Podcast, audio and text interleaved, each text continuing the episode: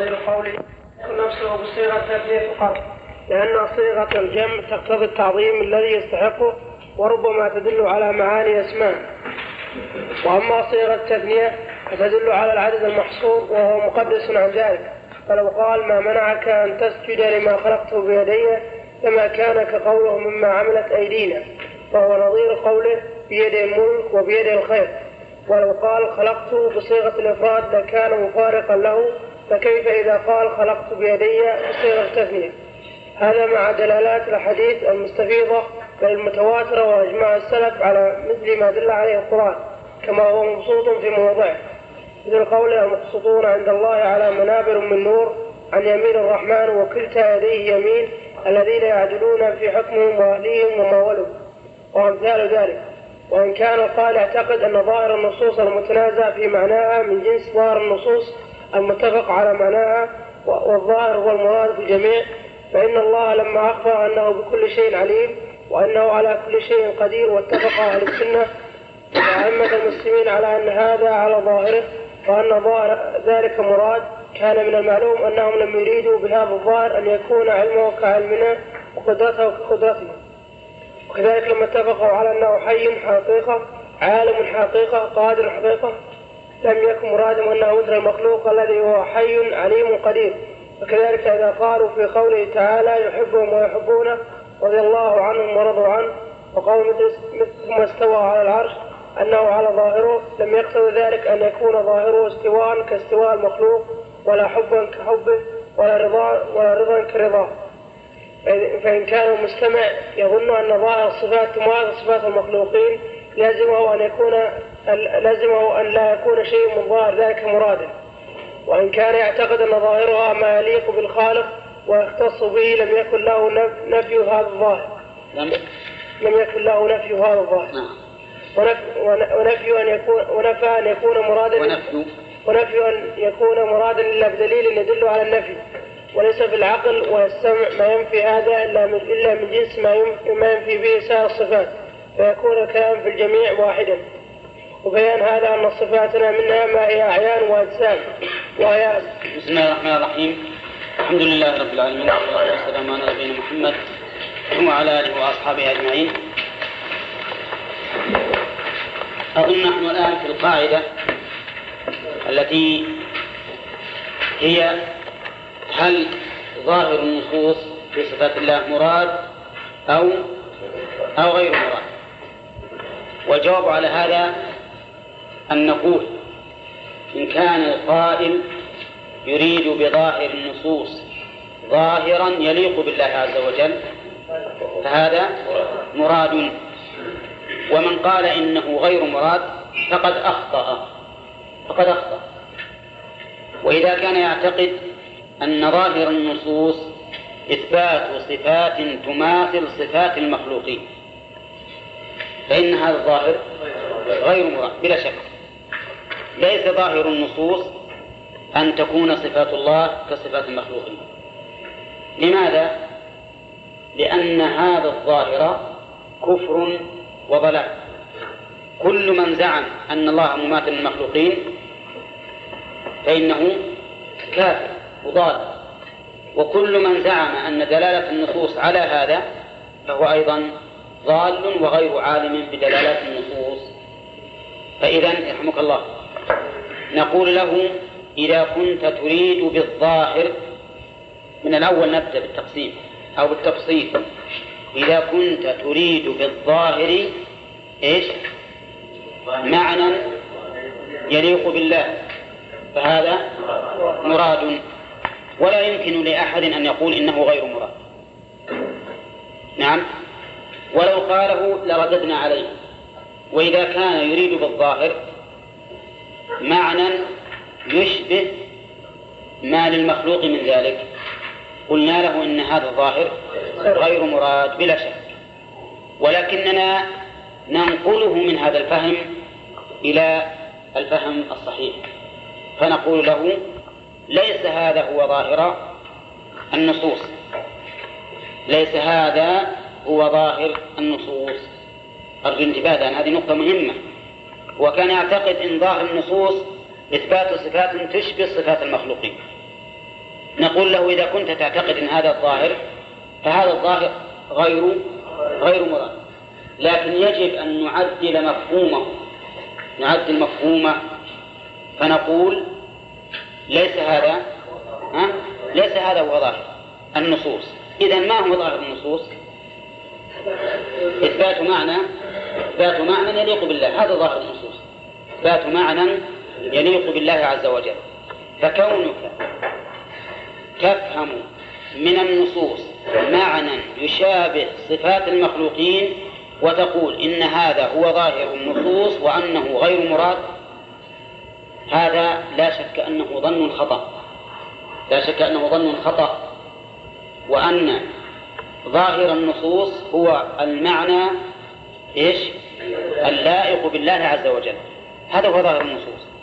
نعم. المؤلف ذكر لهذا أمثلة. ذكر لهذا أمثلة كم؟ ثلاث. المثال الأول عبدي جعت فلم تطعمني والثاني الحجر الأسود يمين الله في الأرض. والثالث قلوب العباد بين أصبعين من أصابع الرحمن. وأظن سبق الجواب عن هذه الأمثلة. سبق الجواب عن هذه الأمثلة. لأنه وش فهم؟ فهم من من الأول اللي فلم تطعمني فهم منها أن النص هذا يدل على أن الله يجوع وأنه يحتاج إلى طعام. فقال ظاهر النص غير مراد فقال ظاهر النص غير مراد صحيح كلامه هذا ولا لا؟ ترى كلامه لا فهمه. صحيح إن هذا الظاهر غير مراد. ها؟ هو فهم جوعت فلم تطعمني إن الله يجوع ويحتاج إلى طعام. فقال ظاهر هذا غير مراد. هذا إذا قال إن هذا غير مراد نقول صحيح. الله لا يجوع ولا يحتاج إلى طعام. لكن كونك تقول إن ظاهر هذا النص أن الله يجوع ويحتاج إلى طعام هذا غير صحيح.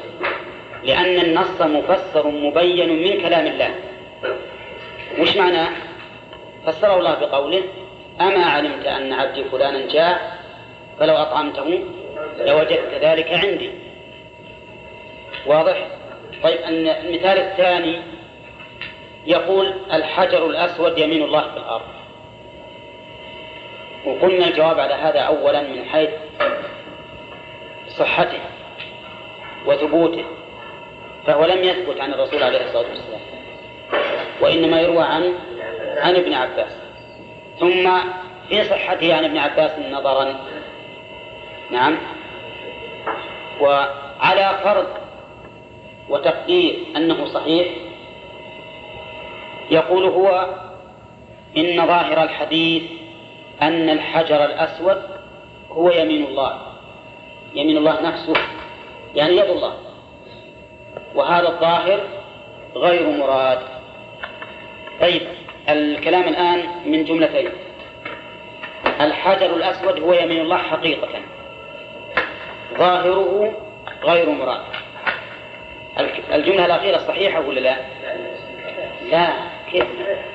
يا أخي الجملة الأخيرة الصحيحة الجملة الأخيرة الصحيحة بناء على اعتقاده الأول أن الحجر يمين الله بالفعل. فقوله إن ظاهره غير مراد يكون الآن صحيحا.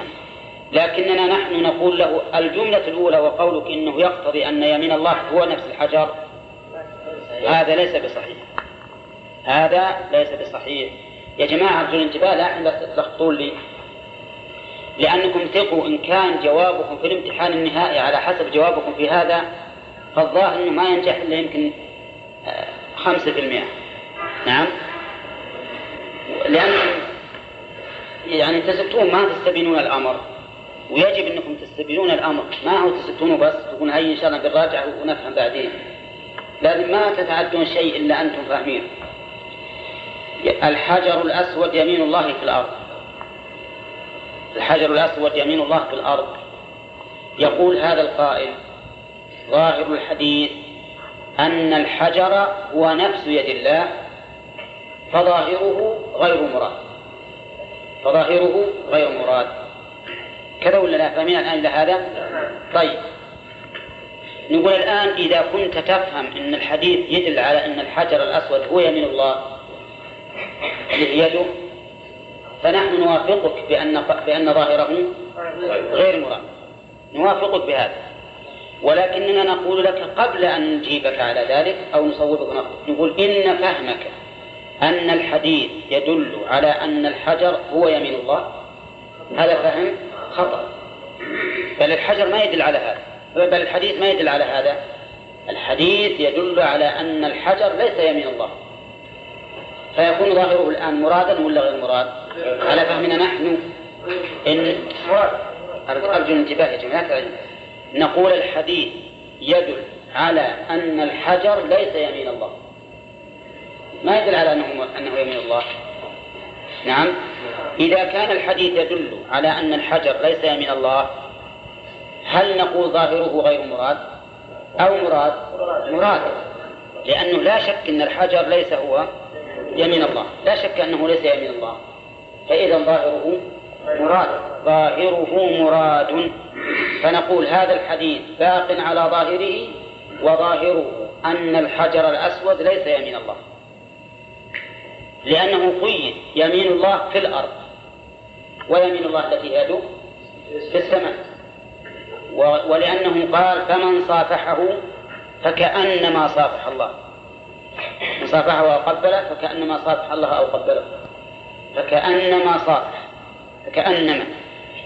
والتشبيه مكون من مشبه ومشبه به وأداة تشبيه والشبه فالمشبه به غير المشبه بلا شك. كذا ولا لا؟ وهنا فكأنما صافح الله يدل على أن اليد هذه هي يد الله. على على الحجر ليس يد الله. لو كانت يد الله لكان فمن صافحه فقد صافح الله وليس كمن صافح الله. فالحاصل الآن أن نقول هذا الحديث إذا ثبت فهو على على ظاهره. وليس ظاهره ما فهمه هذا الذي نفى أن يكون على ظاهره. نعم. المثال الثالث قلوب العباد بين أصبعين من أصابع الرحمن. يقول هذا الرجل هذا الحديث ظاهره أن القلب بين أصبعين يمسانه. يمسانه. نعم. أن أن الأصبع أن القلب بين أصبعين يمسانه الآن عندما أقول هذا القلم بين أصبعين وش صار؟ يمسانه ولا لا؟ يمسانه هو يقول قلوب العباد بين أصبعين من أصابع الرحمن. نعم. هذا ليس على ظاهره. ليس على ظاهره. لأننا نعلم أن أصبعي الرحمن لا يلمسان القلب لا يلمسان القلب ولا يمكن إن إن إن أصبع الرحمن يدخل بصدر الواحد ويمسكن قلبه لا يمكن صحيح هذا ولا لا؟ صحيح. لكننا نقول له ليس هذا ظاهر النص. هو فهم هذا الفهم وراح يقول ليس على ظاهره. يقول ليس هذا هو ظاهر النص. ليس هذا ظاهر النص. نعم. لأن ليش؟ لماذا لا يكون ظاهر النص؟ لأن هذا الظاهر كفر وضلال. كفر أن يكون صدرك الضيق واسعا لأصابع الرحمن التي يجعل الله الأرض بكاملها على أصبع نعم. وين أصبع الرحمن بيدخل في هذا مستحيل أن يكون هذا. مستحيل عقلا إذا كان مستحيلا ومن اعتقده فهو كافر هل يمكن أن يكون هو ظاهر النصوص؟ ها؟ لا لأن ظاهر النصوص حق لا باطل إذا إذا لم يكن هذا ظاهره فما ظاهره؟ نقول البينية لا تقتضي المماسة البينية لا تقتضي المماسة طيب تقول مثلا الطالب بين يدي المدرس. نعم. ما أظن ولا ولا رأسه ما حط رأسه بين يديه ولا لا؟ ولا رأس الطالب. فكيف بجميع الطالب؟ هل اقتضت المماسة عندما أقول الطالب بين يدي المدرس؟ ها؟ ما تقول أبلغ من ذلك وأبين قال الله تعالى والسحاب المسخر بين السماء والأرض. اقتضى أن تكون الأرض والسماء ملاصقة للسحاب؟ وش بينهم؟ بين بين السحاب والسماء ما لا نعلمه. وبين الأرض والسحاب مسافات بعيدة وتختلف بحسب ارتفاع السحاب وانخفاضه فتبين بهذا أن البينية لا تقتضي المماثلة إذا فالحديث على ظاهره. ونقول هذه البينية الله تبارك وتعالى أعلم بكيفيتها لأن جميع صفات الله لا نحيط ها؟ لا نحيط بكيفيتها والله أعلم كيف تكون قلوبنا بين أصبعين من أصابعه إنما نحن نعلم أنه لا يمكن أن تكون أصابع الرحمن قابضة على نفس القلب. هذا ما يمكن. طيب بهذا تبين يا جماعة أن هذه القاعدة مهمة جدا. والسؤال هل ظاهر نصوص الصفات مراد أو غير مراد. ما هو الجواب؟ الجواب بالتفصيل. ها؟ إن أراد بالظاهر المعنى اللائق بالله فهو مراد. وإن أراد بالظاهر المعنى الذي لا يليق بالله فهذا غير مراد. فهذا غير مراد. نعم؟ لكننا يجب أن نصحح فهمه. أولا فنقول إن فهمك أن النصوص تقتضي ما لا يليق بالله هذا خطأ. هذا خطأ وإلا فليس فلا شك أنه غير مراد لكنه ليس ظاهر النصوص. فظاهر النصوص المعنى الأول وهو المعنى اللائق بالله وهو حق. نعم.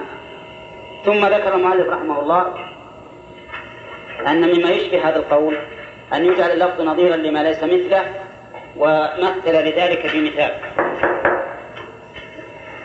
لما خلقت بيدي بعضهم جعلها مثل قوله مما عملت أيدينا أنعام.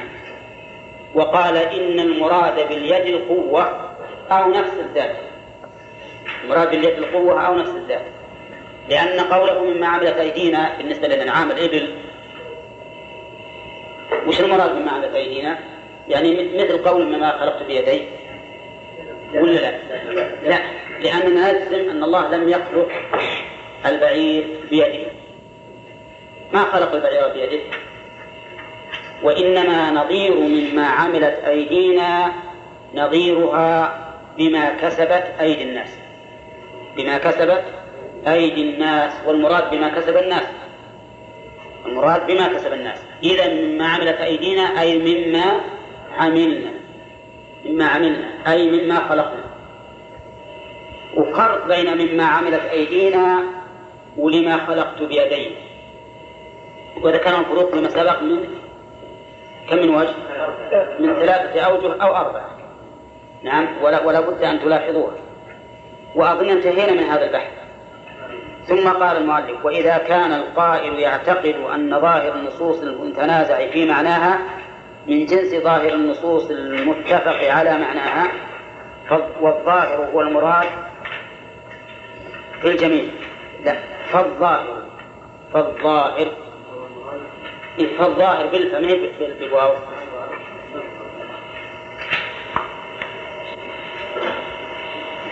حطوها بالفاء.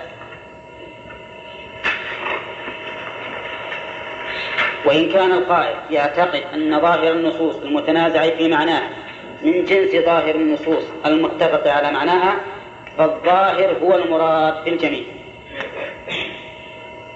أي نعم. إذا كان المتكلم القائل اللي يقول ظاهر مراد وغير مراد إذا كان يعتقد أن ظاهر النصوص المتنازع في معناها من جنس ظاهر النصوص المتفق على معناها فالظاهر هو المراد في الجميع مثال ذلك يا جماعة. نحن نتكلم مع الأشعري الذي يثبت للنصوص معنى حسب الظاهر الأشعري يثبت أن لله قدرة ولا لا؟ من جنس قدرة المخلوقين ولا من غير جنسها؟ ها؟ من غير جنسها من غير جنسها نقول له إذا كنت تعتقد أن النصوص التي تنازعنا فيها مثل إيش؟ كالرحمة مثلا والرضا والغضب وما أشبه ذلك. مو ينازعنا في ذلك ولا لا؟ طيب يقول المراد بالرحمة غير المفهوم عندنا. ها؟ والمراد بالمحبة غير المفهوم عندنا نحن. المراد بالرحمة الإحسان. المراد بالرحمة الإحسان. أرجو الانتباه يا جماعة. نقول الآن فسرت الرحمة بغير ظاهره فالظاهر عندك غير مراد. الظاهر عندك مثلا يعذب من يشاء ويرحم من يشاء. يقول المراد بالرحمة ها الإحسان. مثل العذاب اللي هو العقوبة. نقول لها الآن إن كانت تعتقد أن ظاهر النصوص المتنازع في معناه من جنس ظاهر النصوص المتفق على معناها فالظاهر هو المراد في الجميع. يعني كانك تريد أن تعتقد إن ظاهر الرحمة رحمة تليق بالله. فظاهرها؟ مراد ولا غير مراد؟ مراد. مثل ما إنك تقول القدرة قدرة تليق بالله فظاهرها؟ مراد. فنقول إذا كنت تعتقد أن ظاهر النصوص المتنازع في معناها كالرحمن مثلا إنه من جنس النصوص المتفق على معناها فإننا نقول لك إيش نقول له؟ إن الظاهر مراد في الجميع. نعم. ثم فرع المؤلف على هذه على هذا فقال فإن الله لما أخبر أنه بكل شيء عليم وأنه على كل شيء قدير واتفق أهل السنة وأئمة المسلمين على أن هذا على ظاهره وأن ظاهر ذلك مراد ولا لا؟ هذا صحيح ولا غير صحيح؟ أخبر الله بكل شيء عليم وعلى كل شيء قدير وأهل السنة اتفقوا على أن ظاهر النص مراد ولا غير مراد؟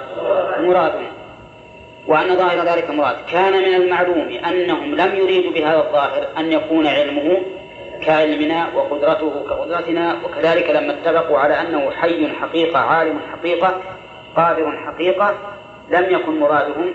ترى هذه الصفات الثلاثة الأخيرة. يوافقنا الأشعري عليها ولا لا؟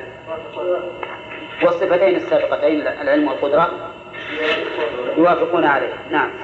لم يكن مرادهم أنه مثل المخلوق الذي هو حي عليم قدير فكذلك إذا قالوا في قوله يحبه من يحبونه رضي الله عنهم ورضوا عنه ثم استوى على العرش يقولون أيضا إنه على ظاهره ولا يقتضي ذلك أن يكون ظاهره استواء كاستواء المخلوق ولا حبا كحبه ولا رضا كرضاه.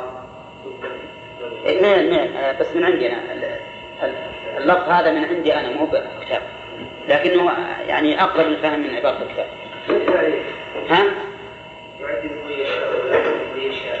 اي نعم ها؟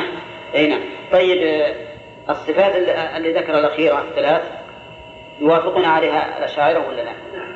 لا لا يحبوا ما يحبون ما يوافقون رضي الله عنهم ورضوا عنه ما يوافقون استوى على العرش لا يوافقون ها؟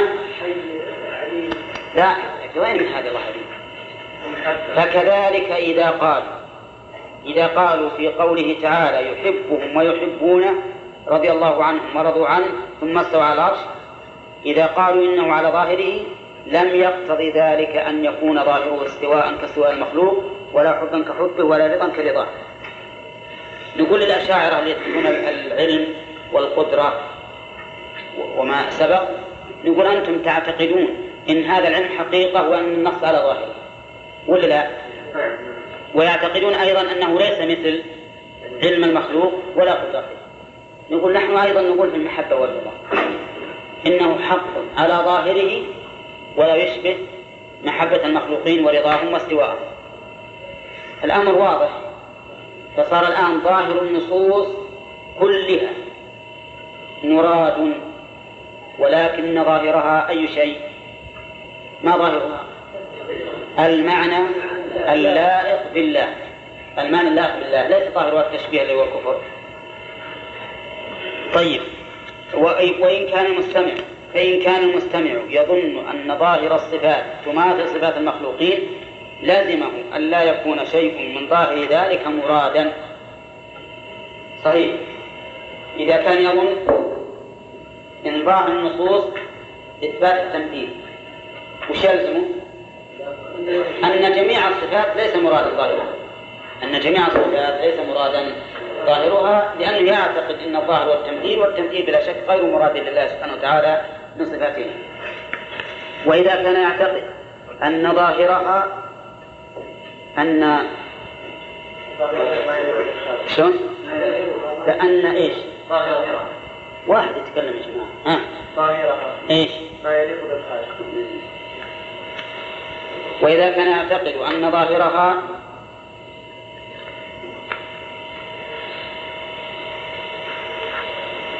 أن ظاهرها ما يليق بالخالق ويختص به لم يكن له نفي هذا الظاهر ونفي أن يكون مرادا صحيح يعني إذا كان يعتقد المستمع أن ظاهر النصوص هو اللائق بالله هل يجوز أن ينفي هذا؟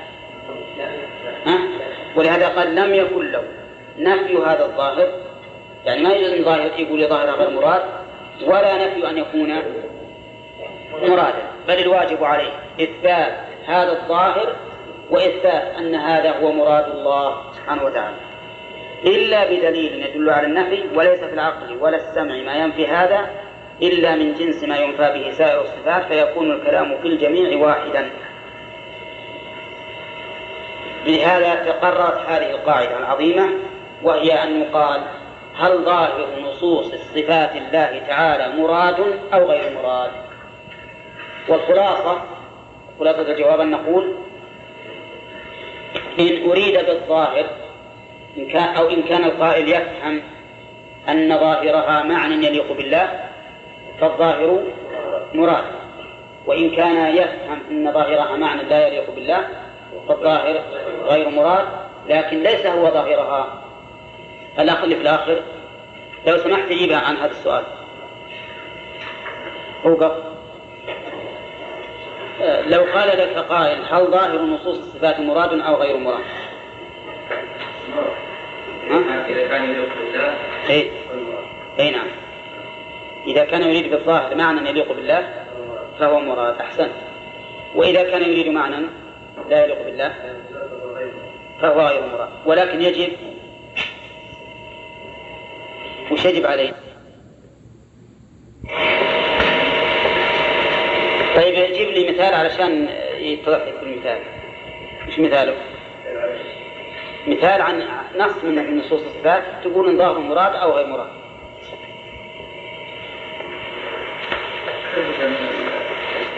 أي نعم طيب إذا قال لك مثلا ثم استوى على العرش. ظاهره غير مراد. وش تقول له؟ أن الاستواء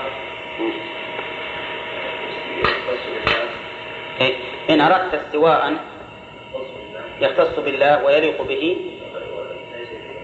ولا يشبه استواء المخلوقين فهو مراد. أحسن طيب إذا قال لا أنا أقول ثم استوى على العرش إني أنفي أن يكون استواء يمارس صفات المخلوقين. فأقول إن, أن الآية ظاهرها غير مراد لهذا السبب. نقول صحيح أنه غير مراد.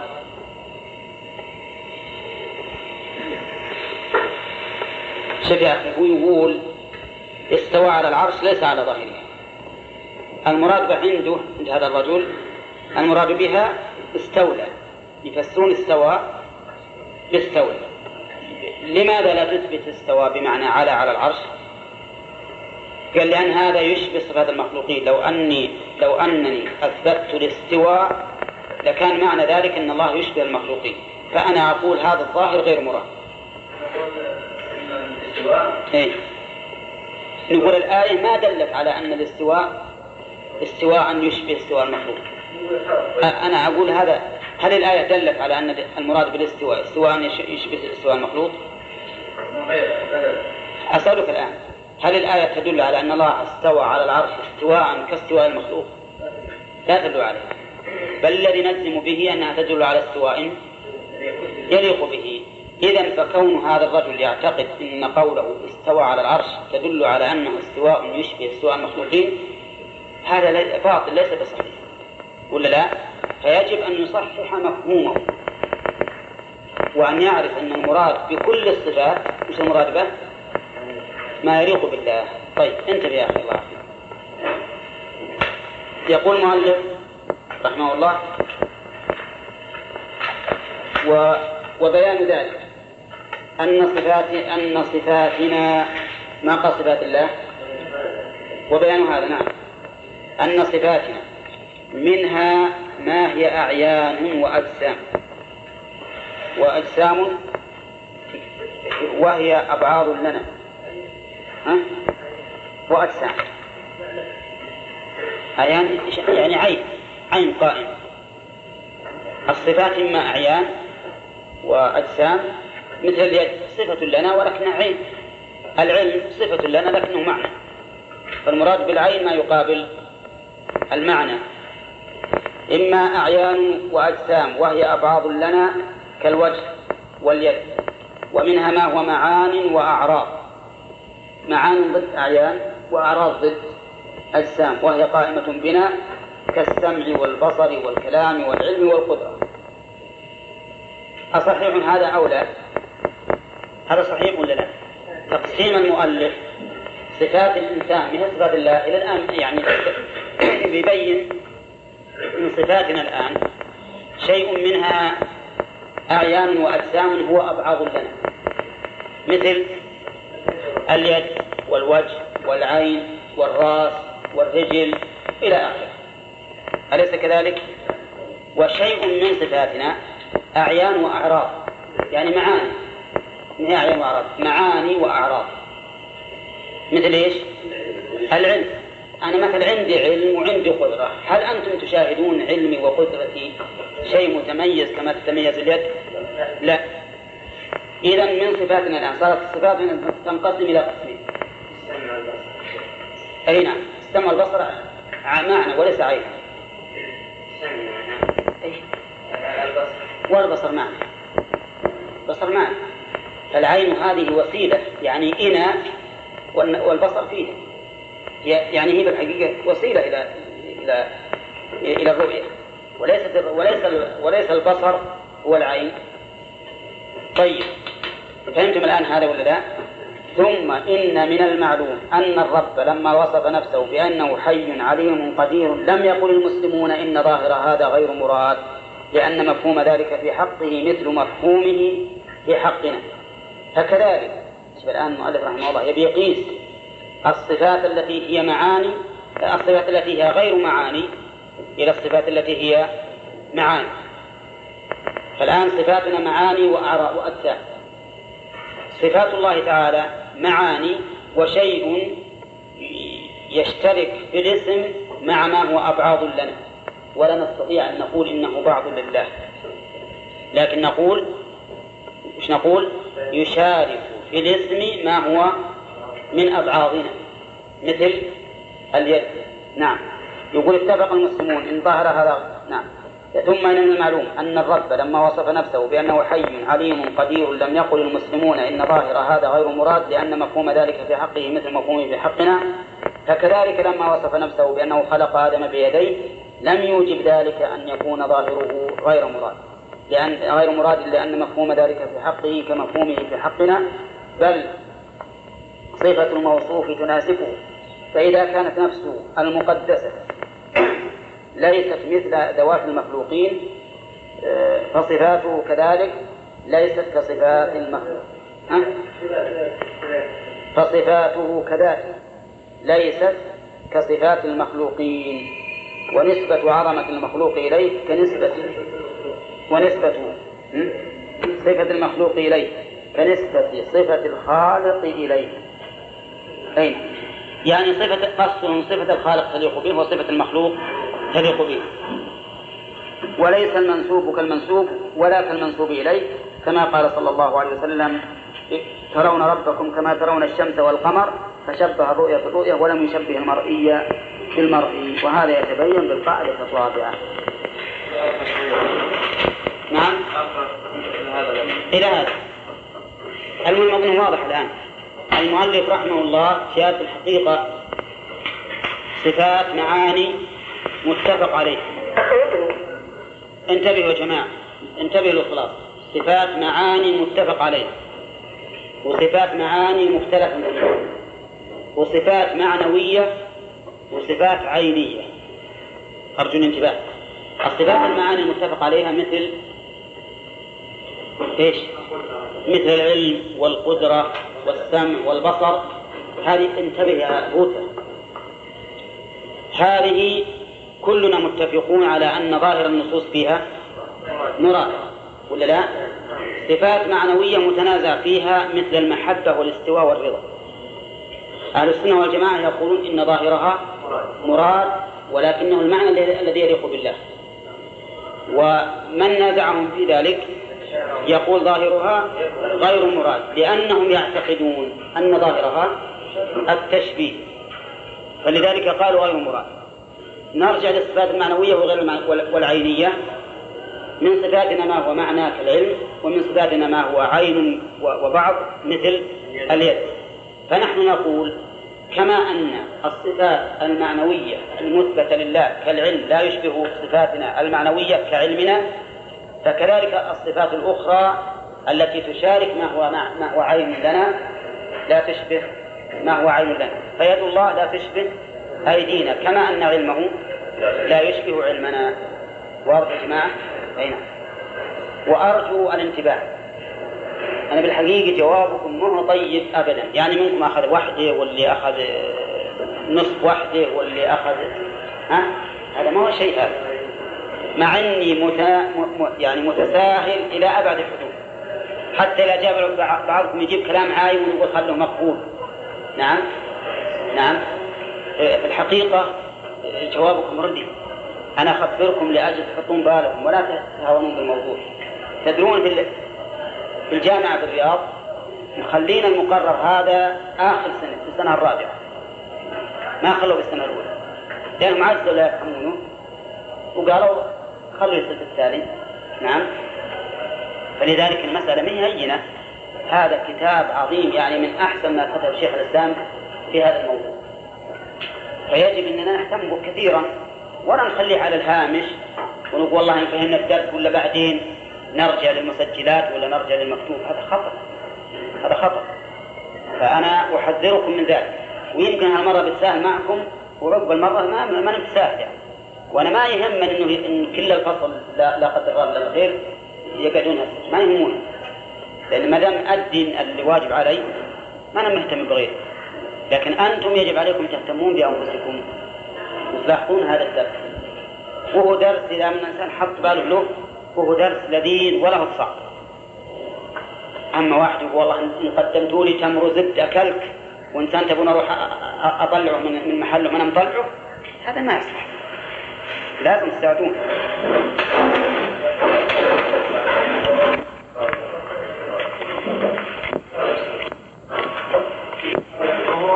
من الناس يتفرغ في بعض الصفات أو كثير منها أو أكثرها أو مثلها أنها تماثل صفات المخلوقين ثم يريد أن ينفي ذلك الذي فهمه فيقع في هذا الأنواع من المحاذير. طيب يريد أن ينفي؟ أن ينفي؟ ينفي ذلك الذي فهمه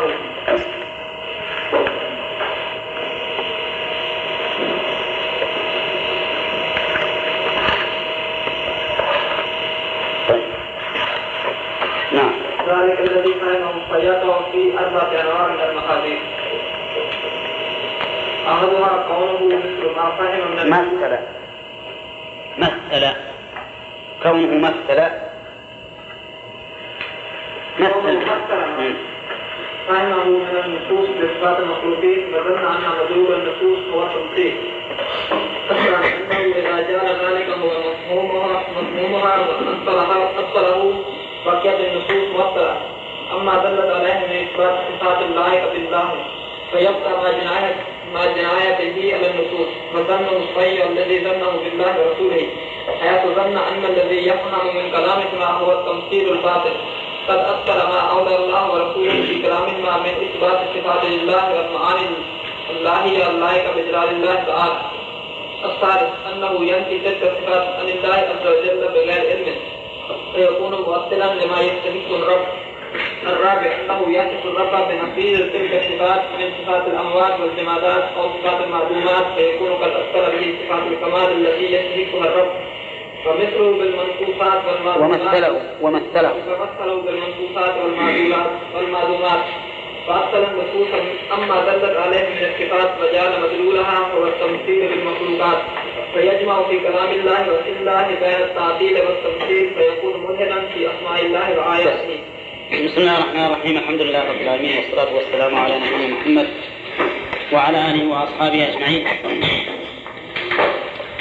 تقدم لنا القاعدة الثالثة وهي تعود على شيء واحد وهو هل ظاهر النصوص النصوص مراد أو غير مراد؟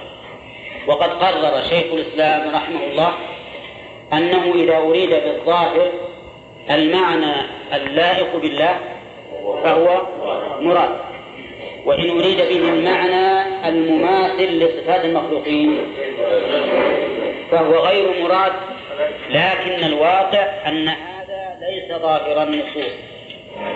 لأن هذا كفر وضلال ولا يمكن أن يكون ظاهر النصوص كفرا وضلالا. أفهمتم هذا ولا لا؟ وأتى لذلك بأمثلة من الصفات المعنوية والصفات الجزئية بالنسبة لنا. وقال إن صفاتنا منها ما هو معاني مثل العلم ومنها ما هو أبعاض مثل أبعاض وأجزاء مثل اليد وتحاشى المؤلف رحمه الله أن يعبر بمثل ذلك بالنسبة لصفات الله. بمثل إيش؟ بمثل البعض أو الجزء بالنسبة لصفات الله وهذا حق. يعني ليس لنا أن نقول إن يد الله بعض منه أو جزء منه كلا. يعني هذا غير وارد في الشرع. ولكن نقول من صفات الله ما ما يشترك بالاسم. ما يشارك بالاسم ما هو أبعاض لنا. وما يشارك بالاسم ما هو معاني لنا أفهمتم الآن ولا لا؟ ولهذا نقول في بالنسبة لصفات الله تنقسم إلى معنوية وغير معنوية. فالمعنوية مثل العلم والقدرة وغير المعنوية مثل اليد والوجه إلى آخره؟ بالنسبة لصفات الله. يقول هذا يتبين بالقاعدة الرابعة وهي أن كثيرا من الناس يتوهم في بعض في بعض الصفات أو كثير منها أو أكثرها أو كلها. جاب المؤلف رحمه الله كل ما يمكن من طوائف المبتدعة. يتوهم في بعض الصفات. وهؤلاء الذين يثبتون أكثر الصفات. يتوهم في كثير منها أو أكثرها. وهؤلاء الذين يثبتون بعض الصفات وينفون أكثرها مثل الأشعرية. يتوهم في كل الصفات وهؤلاء الذين ينكرون جميع الصفات مثل الجهمية والمعتزلة. وش يتوهمون؟ أنها تماثل صفات المخلوقين ف إيش؟ ثم يريد أن ينفي ذلك الذي فهمه فيقع في أربعة أنواع من المحاذير. الآن فهمنا من القاعدة دي أن بعض الناس أو نقول كما قال المؤلف كثير من الناس وكثير من الناس هو بمعنى بعض الناس. بعض الناس يتوهم في صفات الله كلها أو بعضها. مش يتوهم أنها تماثل صفات المخلوقين. إذا توهم هذا ماذا يريد؟ يريد أن ينفي ذلك عن الله. يريد أن ينفي ذلك عن الله وش ينفي؟ ينفي التمثيل ولا طريق له إلى نفي التمثيل إلا بنفي هذه الصفات. مش لأنه يعتقد؟ يعتقد أن الصفات تماثل صفات المخلوقين. ويقول وقوله حق إن الله لا مثل له. هذا صحيح إن الله لا مثل له؟ ها؟ صحيح إن الله لا مثل له. إذا كان لا مثل له وهذه الصفة تقتضي التمثيل وش الواجب بهذه الصفة؟ الواجب نحو هذه الصفة أن ننفيها. الواجب نحو هذه الصفة أن ننفيها عن الله. ما دامت تقتضي التمثيل والله سبحانه وتعالى ليس كمثله شيء. إذا لاحظوا الفهم الآن. هذا الرجل فهم يفهم من الصفات أنها وعليكم التكبير أنها تماثل صفات المخلوقين. إذا كان يعتقد هذا الاعتقاد وش الواجب عليه؟ نفي هذه الصفات ولهذا ثم يريد أن ينفي هذه الصفات وهذا عن الله لأنه يقصد لأنها على زامه تماثل صفات المخلوقين ومماثلة المخلوقين يجب نفيها عن الله سبحانه وتعالى أفهمتم الآن؟ استفتى الآن هل هذا الفهم صحيح ولا لا؟ فهمه أنها تماثل المخلوقات صحيح ولا لا؟ غير غير صحيح. من أصله. غير صحيح من أصله كما مر في القاعدة السابقة ولهذا قال وهذا يتبين بالقاعدة الرابعة. طيب يقول يقع المؤلف يقول المؤلف فيقع في أربعة أنواع من المحاذير. يقع أي هذا الذي فهم أن الصفات تماثل المخلوقين فيريد أن ينفي المماثلة عن الله.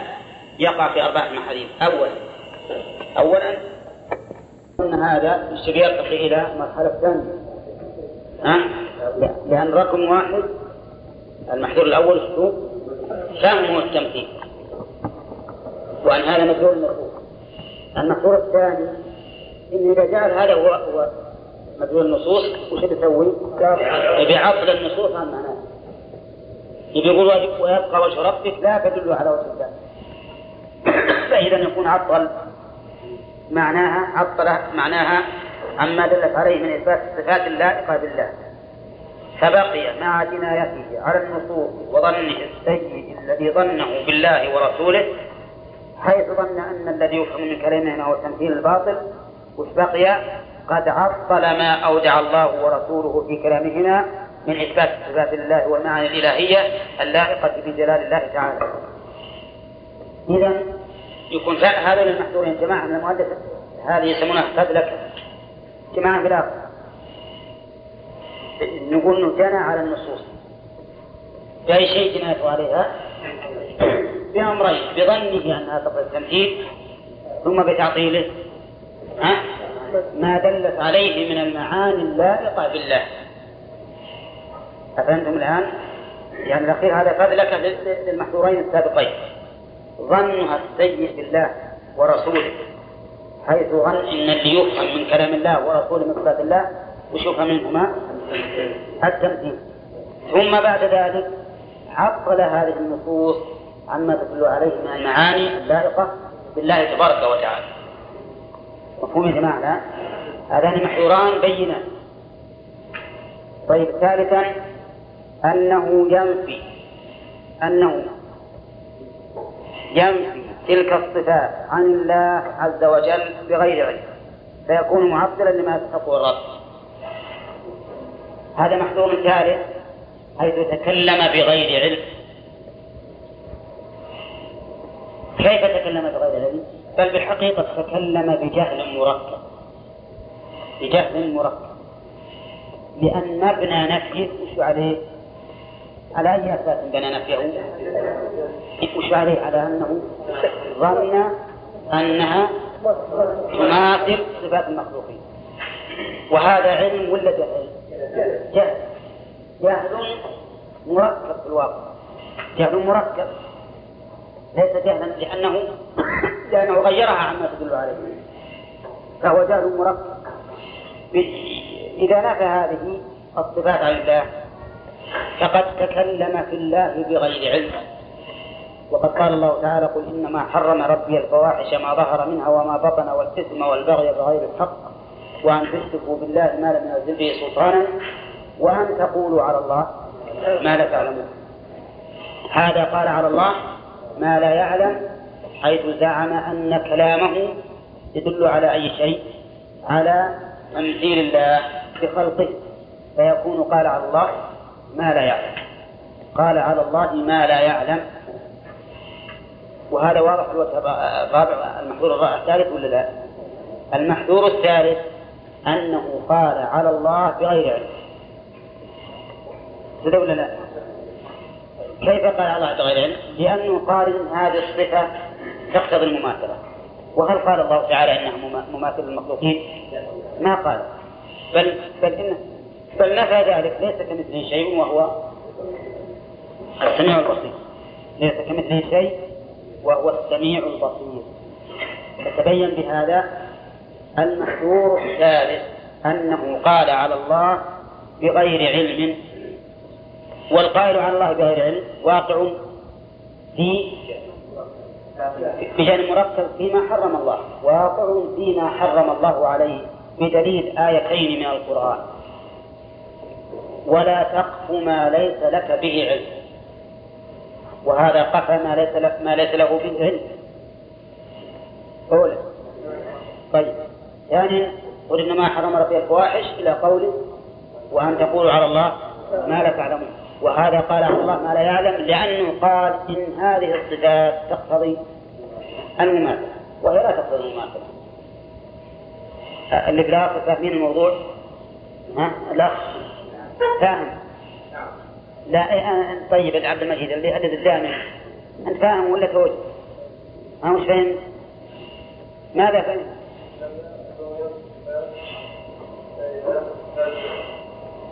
يعني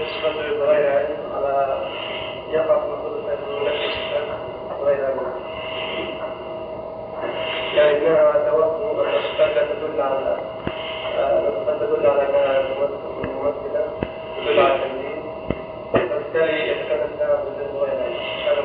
يكون نفاها بغير علم. وإذا إذا تكلم فيها بغير علم. هذا محظور ذا وش الدليل على محظوريته؟ مم.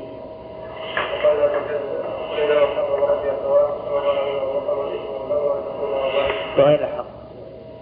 بغير الحق وأن تقول الله ما تعلم تمام يا جماعة الآن نمشي. المحظور الرابع أنه يصف الرب بنقيض تلك الصفات من صفات الأموات والجمادات أو صفات المعدومات بل نقول أو صفات الممتنعات ولا لا؟ هنا مر علينا أن بعض بعض هؤلاء الغلاة يكذبون عن النقيضين ها؟ يعني إذا يصفونه بالممتنعات فهو إذا نفى ذلك إذا نفى ذلك وصف الرب بنقيضه وصف الرب بنقيض تلك الصفات طيب هل هو يصرح بوصف الله بنقيض تلك الصفات أو هو من لازم قوله؟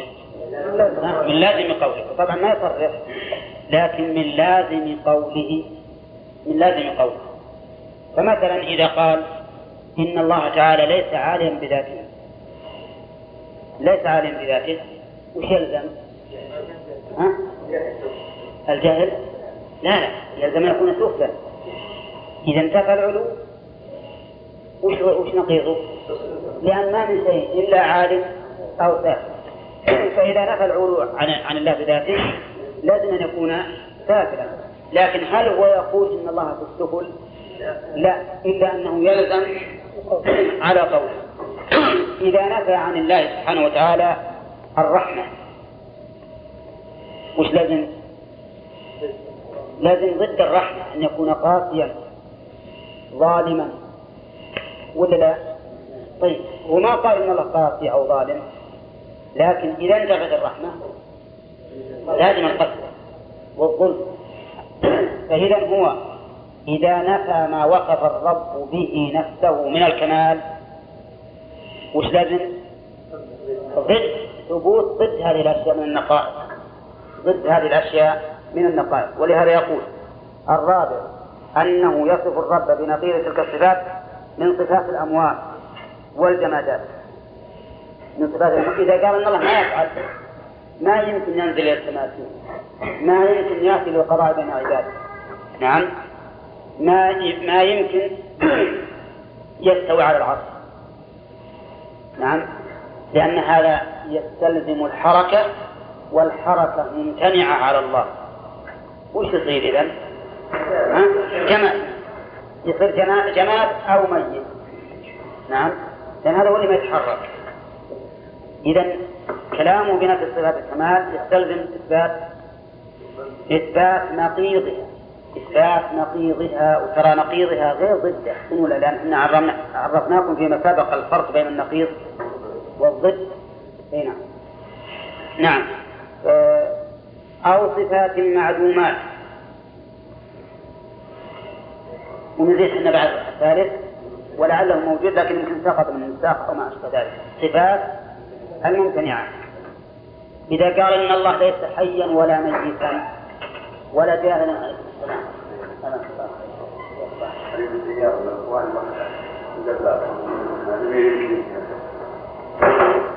سمعتم؟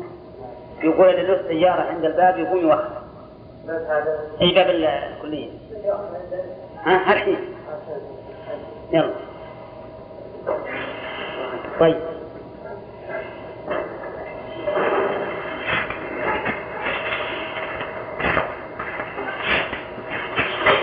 نعم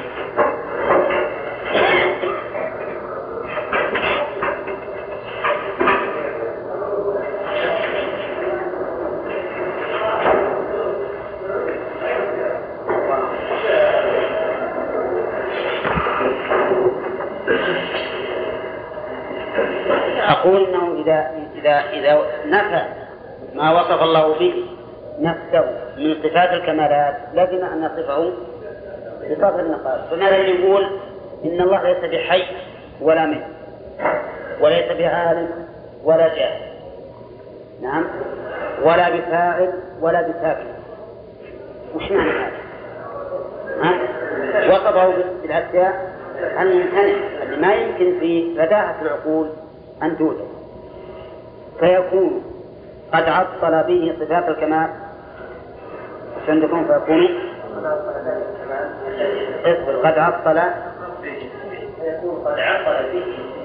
فيكون قد عطل به. أي بفعل هذا. وهو النفي. صفات الكمال التي يستحقها الرب.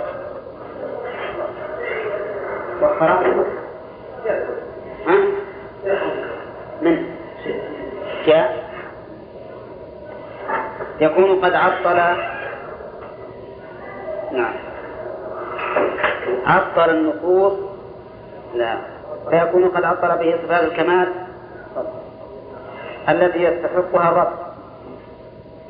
ومثله بالمنقوصات والمعدومات وعطل النصوص عما دلت عليه من الصفات وجعل مدلولها هو التمثيل بالمخلوقات فيجمع في كلام الله تعالى بين التعطيل والتمثيل. فيكون ملحدا في أسماء الله وآياته. التعطيل والتمثيل كلاهما إلحاد. لأن المعطل نقص وفرق والممثل زاد وأفرق. المعطل اللي يقول لا يوصف الله تعالى بالصفات الفلانية والصفة الفلانية هذا عطل نقص وفرق في دلالة والذي يقول يوصف بهذا مع مع التمثيل يكون قد زاد وأفرق زاد وأفرق كلاهما متضرر ولذلك الوسط أن يوصف الله بما وصف به نفسه بدون بدون تمثيل. وقوله ملحدا في أسماء الله وآياته. نعم ملحدا في أسماء الله لأنه عطل الأسماء عن معانيه فالرحمن عطله من الرحمة. لأنكم سبق أن قلنا إن بعض المعطلة يسلب معاني أسماء الله تعالى عنه. عنه. يقول معنى الرحمن إما أنه اسم عالم جامد فقط وإلا أن الرحمن هو السميع وهو العليم إلى آخره لأنها كلها مجردة عن المعاني. طيب أما إلحاد في آيات الله فقد وضح جدا لأنه عطلها عن معانيه وهذا إلحاد وميل بها. مثال ذلك أن النصوص كلها دلت على وصف الله تعالى بالعلو والفوقية على المخلوقات واستوائه على عرشه. فأما علوه ومباينته للمخلوقات فيعلم بالعقل الموافق للسمع. نعم. العلو دلالته عقلية وسمعية. يعني دل عليه العقل والسمع. ما دلالة العقل على العلو وجه دلالة العقل على العلو وجه دلالة العقل على العلو أن نقول سؤال. هل العلو صفة كمال ولا صفة نقص؟ صفة كمال. طيب. هل الرب يجب له صفات الكمال أو يجوز عليه صفات النقص؟ يجب له صفات الكمال ويمتنع عنه صفات النقص. إذا يلزم ثبوت ثبوت العلو. يلزم ثبوت العلو لله تعالى بذاته. أليس كذلك؟ طيب. فبهذا تبين دلالة العقل على علو الله. ووجه الدلالة ما أشرت إليه الآن بأن أقول هل العقل هل العلو صفة كمال أو صفة نقص؟ الجواب بلا شك؟ عند جميع الناس أن يقول إنه صفة كمال. إذا كان صفة كمال فهل الرب المستحق للعبادة متصف بالكمال أو يجوز عليه النقص؟ متصف بالكمال. النتيجة فيلزم إيش؟ ثبوت العلو له. يلزم ثبوت العلو له. أعد علينا الدليل فين؟ لا لا إن الله سبحانه وتعالى متصف بالعلو نعم. العقل. بداية العقل. الله سبحانه وتعالى متصف بالكمال نعم. دل ذلك أنه عالي على خلقه. صار بالأمور ما ما هو دلالة العقل عليه. هو متصف بالكمال طيب نحن وش وجه الدلالة؟ وش وجه الدلالة؟ العقل على اتصافه بالعلو. بالكمال. نعم متصل بالكمال لا شك. بس هذا يدل على أنه متصل بالعلو. ما ما أنت عندنا أنت. الله يهدينا.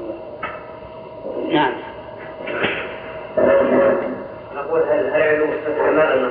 نعم. إذا كان كمال هذا لازم لله يستحق لأنه مستحق العبادة. لازم له تمام. أحسنت. إيه، نقول ما دام ما دام عندنا قاعدة مقررة أن الله متصف بصفات الكمال. فلنسأل هل العلو صفة كمال أو نقص؟ كل سيجيب بأنه صفة كمال. اذا يجب ثبوت العلو لله عز وجل ما دام صفة كمال. واضح؟ زين اسئله آه، دلالة السمع على علو الله. دلالة السمع على علو الله كثيرة جدا. وبصفة متنوعة. نعم. أأمنتم من في السماء وهو العلي العظيم؟ سبح اسم ربك الأعلى وهو القاهر فوق عباده. نعم. وقال النبي عليه الصلاة والسلام أين الله؟ تقول الجارية فقالت في السماء. وأشار النبي صلى الله عليه وسلم في خطبة عرفة أشار إلى السماء يشهد الله تعالى على الخلق. لما قال هل بلغت؟ قالوا نعم. قال اللهم اشهد. اللهم اشهد إذا فالعلو قد ثبت بالسنة القولية والفعلية والإقرارية وثبت في القرآن من وجوه متنوعة وجوه متنوعة مفهوم؟ هل لدينا أدلة زائدة على السمع والعقل؟ نقول نعم لدينا أدلة وهي الفطرة. وهي الفطرة فإن كل إنسان مفطور على علو الله. ولذلك لو أن الإنسان من غير أن يدرس أو يتعلم لو سأل الله حاجة أين ينصرف قلبه؟ إلى علو. ما تلقى أي واحد يقول يا ربي ويحط يديه إلى ربه أبدا. كل إنسان يقول يا رب ويحط يديه للسماء إلى السماء. ولهذا قال أبو المعالي الجويني رحمه الله كان من من الأشاعرة الذين ينكرون علو الله. وكان يقرر كان يقرر هذا المذهب. ويقول إن الله كان ولم يكن شيء قبله. صح ولا لا؟ ثم قال وهو الآن على ما كان عليه.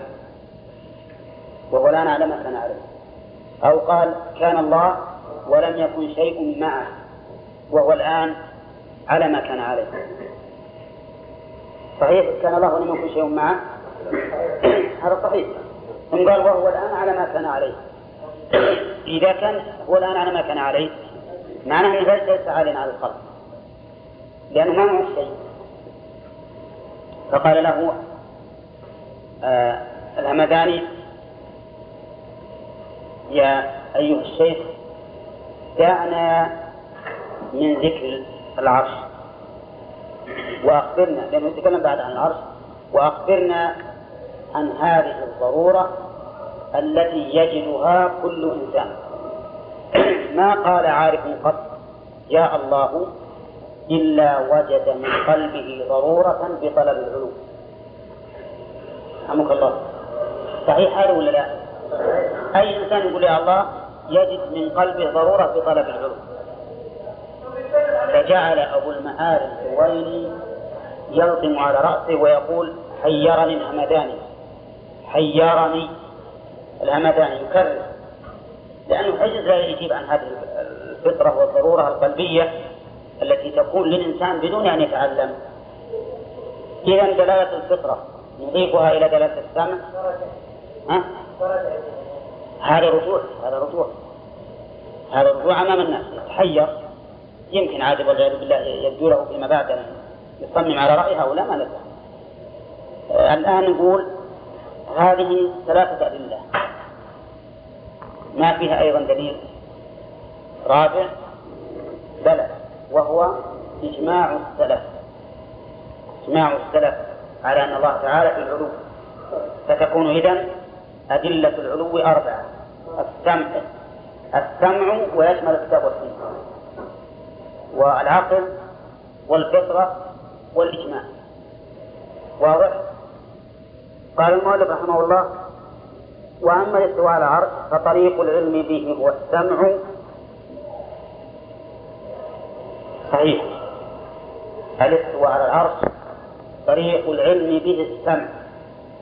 العقل يهتدي له ولا ما يهتدي؟ ها؟ العقل ما يهتدي إن الله استوى على العرش لولا أن الله أخبرنا أنه استوى على العرش ما علمنا بذلك. لم نعلم به. فعلى هذا يكون تحذف دلالة العقل من آه، على الاستواء على العرش. العقل ما يدل على أن الله استوى على العرش. لولا أن الله أخبرنا بهذا هل نعلم؟ لكن العلو العقل يدل عليه ولا ولا ما يدل؟ يدل عليه كما قررنا قبل. قال المؤلف رحمه الله نعم. أدلة العلو السمع والعقل وإجماع والفطر. وأما الاستواء العرش فطريق العلم به هو السمع هو السمع وليس بالكتاب والسنة وصف بعد وصف الله وصف له بأنه لا داخل العالم ولا خارجه ولا مباينه ولا مداخله.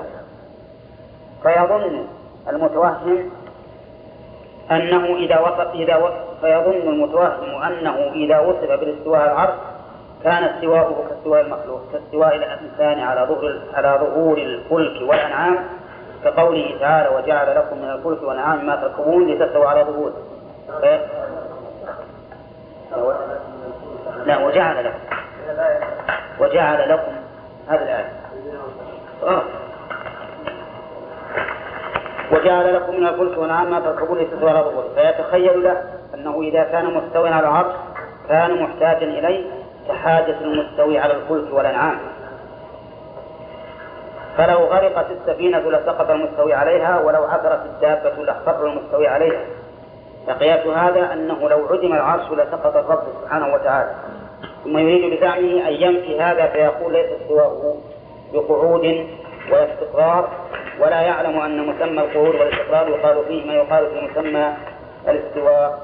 فإن كانت الحاجة داخلة في ذلك فلا فرق بين الاستواء والقعود والاستقرار وليس هو بهذا المعنى مستويا ولا مستقرا ولا قائلا وإن لم يدخل في مسمى ذلك إلا ما يدخل في مسمى الاستواء. فإثبات أحدهما دون الآخر تحكم؟ فإثبات أحدهما؟ نعم ونفي الآخر تحكم. هذا واضح ولا يحتاج إلى شرح؟ آه طيب. هذا المؤلف يقول يظن المتوهم. أو أتى بالاستواء على العرش. الاستواء على العرش دليله سمعي. وليس له دليل عقلي فهو سمعي محض. يظن ينكر هذا المتوهم استواء الله على العرش. بناء على ظنه أن استواء الله على العرش نعم كاستواء الإنسان على ظهر الفلك والأنعام على ظهر الفلك والأنعام. مثل قوله على لتستوى على ظهوره. فيتخيل أنه إذا كان مستويا على العرش كان محتاجا إليه كحاجة المستوي على الفلك والأنعام. يتخيل هذا. لأنه يعتقد أن الاستواء على العرش مثل استواء الإنسان على الفلك والأنعام ومعلوم أن السفينة لو غرقت ها؟ لا لغرق الذي عليه لأنه محتاج إليه. ولو عثرت الدابة لسقط الذي عليها فهل إذا عدم العرش يسقط الرب؟ على زعمه على زعمه كذلك. على زعمه يكون كذلك لما رأى أن هذا ممتنع على الله ماذا صنع؟ أنكر الاستواء لما علم أن هذا مستحيل على الله عز وجل قال إذا أنكر الاستواء وأقول أن الله تعالى لم يستوى على العرش لم يستوي على العرش فهمتم يا جماعة الآن؟ ليش؟ لأنه فهم من استواء الله على عرشه أنه كاستواء الإنسان على ظهور الفلك والأنعام. ومن المعلوم أن استواء الإنسان على ظهور الفلك والأنعام أن المستوي محتاج إلى ذلك بلا شك. فيلزم أن يكون الله محتاجا إلى العرش بحيث لو لو ذهب العرش لسقط الرب. وهذا شيء مستحيل. هو الذي أوجب له أن ينكر استواء الله على العرش طيب يقول المؤلف ف نعم. ثم يريد بزعمه أن ينفي هذا فيقول ليس استواؤه بقعود ولا استقرار. يقول ليس استواؤه بقعود ولا استقرار. إذا ما هو استواؤه على رأيه معروف عنده. يقول استوى بمعنى استوى. ليس معنى استقر على عرشه. نعم. أو قعد عليه. وكلمة قعد وإن كان وردت في أثر ضعيف بلفظ جلس على العرش لكن هي أيضا تنفر منها النفس لأنها ليس مشهورا والمشهور أن الاستواء بمعنى العلو والاستقرار نعم؟ لكن مع ذلك المؤلف رحمه الله أراد أن يحكي كلام غيره فيقول ليس استواءه بقعود فيقول ليس استواءه بقعود واستقرار ولا يعلم أن مسمى القعود والاستقرار يقال فيه ما يقال في مسمى الاستواء أي معنى المعنى أنك إذا قلت ليس بقعود ولا استقرار فإن القعود والاستقرار يلزم في مسماه ما يلزم في مسماه الاستواء بمعنى أن من قعد على شيء كان مضطرا إليه. كمن استوى عليه؟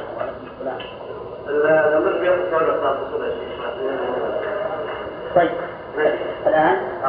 لسه ها؟ القلب صار شوية عشان هيبقى توصل آه طيب لنا نعم إذا بغى الدرس إذا إذا وصلنا إلى حد الدرس إذا بغيتوا إحنا نغلق الدرس. الآن دقيقة دقيقة واحدة. نعم. ها؟ خليه يطلع الدرس. باقي دقيقة. نعم. نعم ما أدري هل يسمحون لنا نطلع الطلبة لأن أخشى أنهم ما يحبون يتبعون الطلبة الآن ملاميذ. الرحيم كان المؤلف رحمه عن موضوع الاستواء على العرش وأنه لا يجوز أن نعتقد أن استواء الله على عرشه كاستواء الإنسان على الفلك والانعام لأن الله تعالى لم يذكر استواء مطلقا بل ذكر استواء منه مقيدا بالعرش. استوى هو. على أي شيء؟ على العرش. فهو استواء من خاص على خاص. فلا يجوز أن يجعل كاستواء المخلوق على المخلوق. وذكر المؤلف في هذا مثال آخر وهو الأيد والسماء بنيناها بأيد كلمة بنيناه هل أحد يتوهم أن بناء الله سبحانه وتعالى في السماء مثل بناء الإنسان البيت؟ يحتاج إلى تدبير ومشارك وما أشبه هذا؟ لا. إذا بناء الله في السماء خاص به.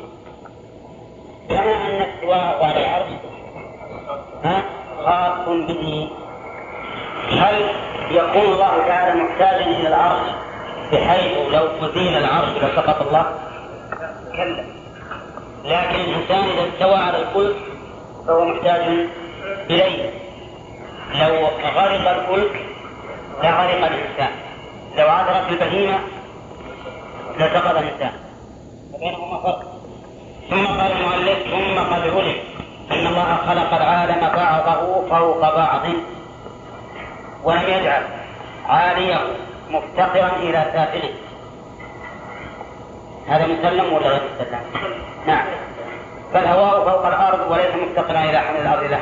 والسحاب فوق الأرض وليس مفتقرا إلى إلى إلى أن إلى أن ولا بدون أن؟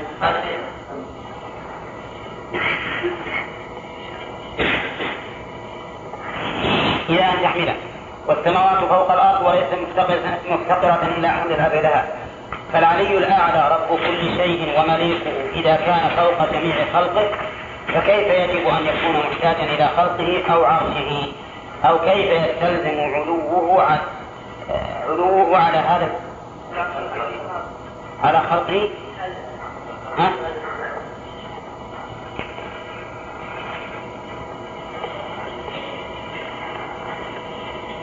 على خلقه هذا الافتقار وهو ليس بمستلزم في المخلوقات. إذا أتى المؤلف بدليل عقلي وهو أن الشيء الأعلى لا يفتقر إلى إلى نعم. وإذا كان الهواء لا يفتقر إلى الأرض وهو فوقه والسحاب لا يفتقر إلى الأرض وهو فوقه والسماوات لا تفتقر إلى الأرض وهي فوق فوقها. فكذلك الله سبحانه وتعالى فوق العرش فلا يفتقر إلى العرش. وقد علم أن ما ثبت للمخلوق من الغنى عن غيره فالخالق سبحانه وتعالى أحق به وأولى. قل كل ما ثبت من غنى الإنسان عن غيره فالخالق به أولى. أنت مثلا غني عن فلان وفلان لست بحاجة إلى أن يساعدك في مال أو جاه أو بدن. إذا فالله تعالى أولى بالغنى أولى بالغنى من غيره. فإذا كان الإنسان قد يكون غنيا عن غيره لا يحتاج إليه في أي شيء الخالق من باب أولى. وكذلك قوله تعالى أأمنتم من في السماء أن يخسف بكم الأرض فإذا هي تمور؟ أأمنتم من في السماء؟ من الذي في السماء؟ الله. فإذا هي تمور تضطرب من توهم أن مقتضى هذه الآية أن يكون الله في داخل السماوات فهو جاهل ضال بالاتفاق. أأمنتم من في السماء؟ أرجو الانتباه. في تأتي في اللغة العربية بالظرفية ومعلوم أن المضروب داخل الظرف. قل الماء في الإناء. الإناء محيط بالماء والماء داخل الإناء. فقل الإنسان في البيت. البيت محيط به وهو داخل البيت. قوله طيب. الدراهم في الجيب. ها؟ الجيب محيط بالدراهم وهي في داخل الجيب. أأمنتم من في السماء؟ قد يتوهم إنسان أن السماء محيطة بالله وأن الله في داخلها لأنه يعرف من معاني في الظرفية. والظرفية لا بد أن يكون الظرف محيطا بالمظروف والمظروف داخلا في الظرف يقول المؤلف من توهم أن هذا معنى الآية من السماء فهو جاهل ضال بالاتفاق. وإن كنا إذا قلنا إن الشمس والقمر في السماء يقتضي ذلك فإن حرف في متعلق بما قبله وبما بعده فهو بحسب المضاف إليه. ولهذا يفرق بين كون الشيء في المكان وكون الجسم في الحي وكون العرضين في الجسم وكون الوجه في المرآة وكون الكلام في الورق. فإن لكل نوع من هذه الأنواع خاصة فإن لكل نوع من هذه الأنواع خاصة يتميز بها عن غيره. وإن كان حرف في مستعملا في كل ذلك. ها؟ مستعملا في كل ذلك. في كل ذلك. طيب أرجو الانتباه يا جماعة. المؤلف رحمه الله يقول حرف في متعلق بما قبله وبما بعده. يعني من حيث المعنى لا من حيث العمل. هذا ما هو مثل قول النحاة في جاء متعلق بكذا. لا. قسم متعلق بما قبله وبما بعده بحسب المعنى. ها؟ مرتبط. بحسب المعنى متعلق بما قبله وبما بعده. فينظر لما قبله وينظر لما بعده ويفسر في كل مكان إيش؟ بحسبه فانظر إلى الامثله اللي قال المؤلف إذا قال إنسان الشمس في السماء. ففي هنا للظرفية السماء محيطه بالشمس وهي داخل السماء والمراد بالسماء العلو كما هو معروف. طيب وإذا قيل الشيء في المكان والجسم في الحي. بينهم فرق. الشيء في المكان نحن الآن في الغرفة. جدران الغرفة محيطة بنا ملاصقة لنا. ها؟ لا. لو كانت ملاصقة ما استطعنا. نعم غير ملاصقة. لكنها محيطة. الجسم في الحيز هذا الحيز محيط بالجسم ولا لا؟ ها؟ محيط به. لأن الجسم ما يشغل إلا الحيز الذي هو فيه. فعلى هذا يكون محيطا به ملاصقا به. كذلك العرض في الجسم. العرض في الجسم. يصح هذا وهذا العرض في الجسم يعني مثلا تقول؟ الطول في البدن. الحمرة في الوجه. مثل معنى قولنا الشيء في المكان ولا لا؟ لا. لأن الظرفية هنا غير الظرفية هناك إذ أن هذا عرض قائم بغيره وأما الجسم في المكان فهو عين حالة في غيره فبينهما فرق كذلك أيضا تقول العرض صفة الجسم في المرآة الوجه في المرآة الوجه في المرآة هل هذا مثل قولك الوجه في جانب الرأس؟ أو لا؟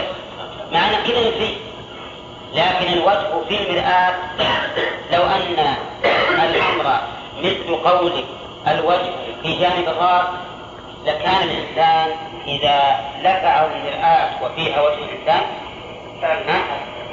يتألم به ولا ما يتألم؟ ها؟ كان يتألم هل واحد ينظر الناس يضرب المرآة بيده يتألم وجهه ولا ما يتألم؟ ها؟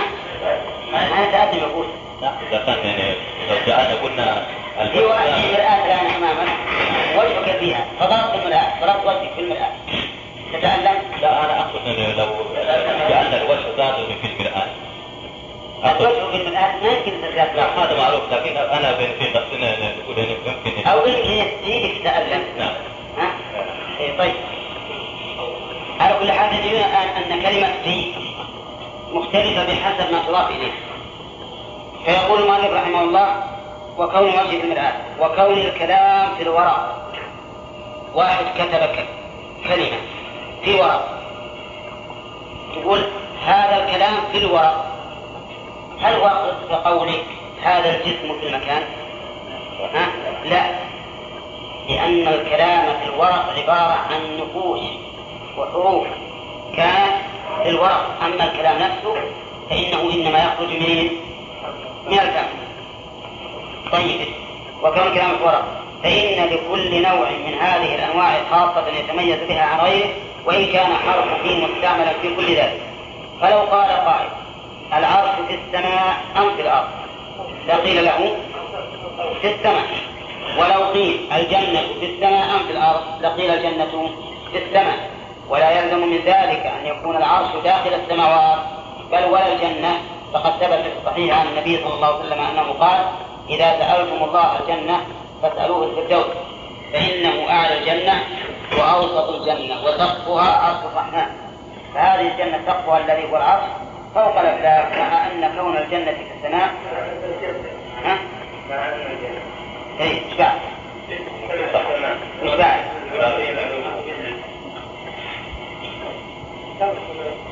مع أن الجنة في السماء أنا عندي كون يبغى ينقص؟ مع أن كون الجنة في السماء يراد به العلو سواء كان فوق الأفلاك أو تحتها هذا اللي عندي أصح اللي عندي أصح مع أن كونه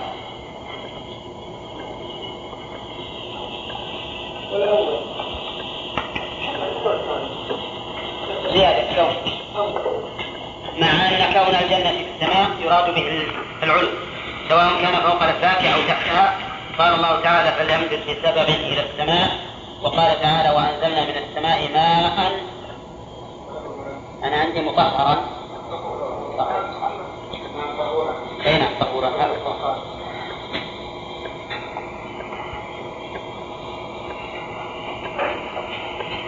وأنزل من السماء ماء طهورا الآن إذا قيل العرش في السماء أو في الأرض وش تقول؟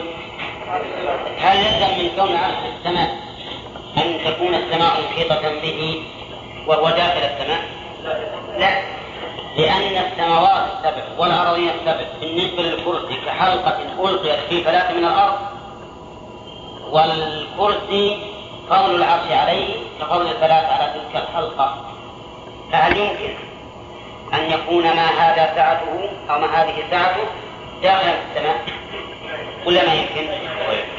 ما يمكن. هذا مثل لو قال قائل إنه يمكن أن تكون السماوات داخل البيضة يمكن ولا ما يمكن؟ ما يمكن أن تكون السماوات داخل البيضة كذلك ما يمكن أن يكون العرش داخل السماوات. لأنه أكبر من السماوات بكثير وكثير. فعلى هذا نقول السماء يراد به العلو. يراد به العلو. وانظر إلى مثالين أتى به المؤلف. فليمدد بسبب إلى السماء. يعني إلى العلو. وهنا السماء هي السماء بل إلى العلو. كذلك وأنزلنا من السماء ماء طهورا. أنزلنا من السماء ماء طهورا. هل المراد السماء التي هي السماء؟ ها؟ إيش المراد به؟ العلو. المراد به العلو. ولهذا قال الله تعالى والسحاب المسخر بين السماء والأرض. هذا صحيح السماء والأرض والمراد به السماء. لكن هنا وأنزلنا من السماء ماء طهورا المراد به العلو. طيب. ولما كان قد استقر في نفوس المخاطبين أن الله تعالى هو العلي الاعلى وأنه فوق كل شيء. كان المفهوم من قوله إنه في السماء أنه في العلو وأنه فوق كل شيء. وكذلك الجارية لما قال لها النبي صلى الله عليه وسلم أين الله؟ قالت في السماء. إنما أرادت العلو مع عدم تخصيصه بالأجسام المخلوقة وحلوله فيها. وإذا قيل العلو فإنه يتناول ما فوق المخلوقات كلها فما فوقها كلها فما فوقها كلها هو في السماء. ولا يقتضي هذا أن يكون هناك ظرف وجودي يحيط به. يحيط به. إذ ليس فوق العالم شيء موجود إلا الله. كما لو قيل العرش فوق السماء فإنه لا يقتضي أن يكون العرش في ها؟ لا عندي أنا فوق. خل شوينا. صح كما لو قيل العرش فوق السماء فإنه لا يقتضي أن يكون العرش في شيء آخر موجود مخلوق وإن قدر أن السماء المراد بها الباب كان المراد أنه عليها. يمكن في أحسن صح